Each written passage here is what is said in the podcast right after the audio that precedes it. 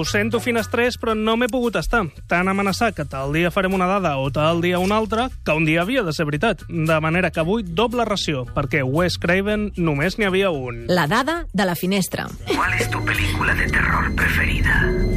Ah, ya sabes que yo no veo esas tonterías. ¿Por qué no te asustan demasiado? No, no, es porque todas son iguales. Un asesino acecha a una mala actriz de grandes pechos que siempre sube por la escalera cuando debería escapar por la puerta principal. ¿Estás sola en casa? Randy, qué poco original eres. Me decepcionas. Tal vez sea porque no soy Randy. Scream, del 1996. El guió original, escrit per Kevin Williamson, era tan brillant que va haver-hi una autèntica subhasta a Hollywood per veure qui se'l quedava. Tot i així, el productor Bob Weinstein va tenir problemes per trobar el director adequat, ja que tant Robert Rodríguez com George Romero, Danny Boyle o Sam Raimi van considerar que en realitat era una comèdia.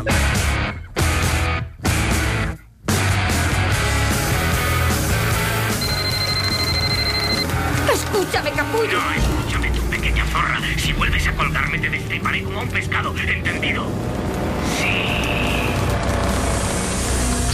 De una broma. Yo diría más bien de un juego. ¿Te apuntas? Rubita. En l'impactant escena d'obertura, Wes Craven li explicava històries de maltractament a animals a Drew Barrymore per mantenir-la plorant i en tensió, ja que ella és una fanàtica dels drets dels animals. Curiosament, i relacionat amb els animals, resulta que la casa on viu el personatge de Drew Barrymore utilitzada en aquesta escena està situada just davant de la casa on es va rodar 13 anys abans la pel·lícula Cujo, on un gos San Bernardo amb la ràbia organitzava tota una escabatxina. Us heu fixat com s'assembla Skid Ulrich, el jove protagonista de Scream, a Johnny Depp, el jove protagonista en el seu moment de Pesadilla en Elm Street? El que està clar és que el pobre Skid Ulrich no va tenir tanta sort posteriorment.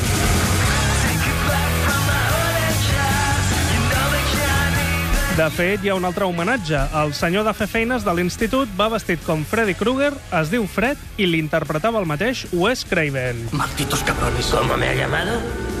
¿Eh? Usted no, Fred. Capullo.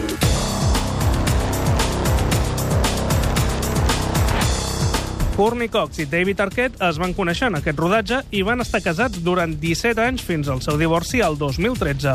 El paper de Gail Weathers, que va interpretar Courtney Cox, va estar a punt de ser per Brooke Shields. Sugiero una improvisada fiesta esta noche en mi casa para celebrar este pequeño respiro. ¿Hablas en serio? L'escena de la festa final era l'escena 118 i durava fins a 42 minuts. Van trigar 3 setmanes a rodar-la. Al final del rodatge se'ls va regalar als extras samarretes on deia «Jo vaig sobreviure a l'escena 118». Genial! En aquesta festa, els nois estan mirant La noche de Halloween, de John Carpenter. En canvi, quan es va estrenar la seqüela Halloween 20 anys després, les joves víctimes estaven mirant Scream 2, en un altre moment de la pel·lícula. De fet, un dels nois de Scream es diu Billy Loomis, el mateix cognom que el doctor Samuel Loomis de Halloween. Potser tenen relació familiar i no ho sabem. Ayúdame, por favor. Sorpresa, Sidney. ¿Qué te pasa, Sidney? Parece que hayas visto un fantasma. Els aparells que fa servir l'assassí per canviar la veu a través del telèfon van triplicar les seves vendes després de l'estrena del film.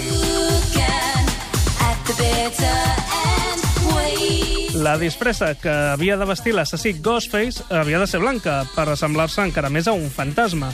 Però van tenir por que algú els comparés amb el Ku Klux Klan i van canviar al negre.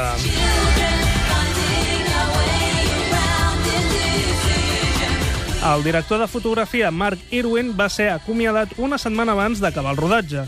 Van descobrir que part del material que havien rodat estava desenfocat i no servia de res. El cabreig de Wes Craven va ser considerable.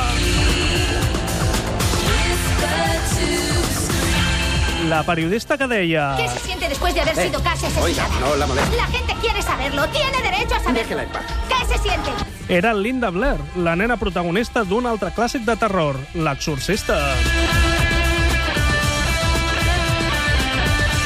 Doncs fins aquí. Crec que ara sí que li hem fet bastanta justícia a Wes Craven. I si no és així, segur que aquesta nit tindrem malsons horribles.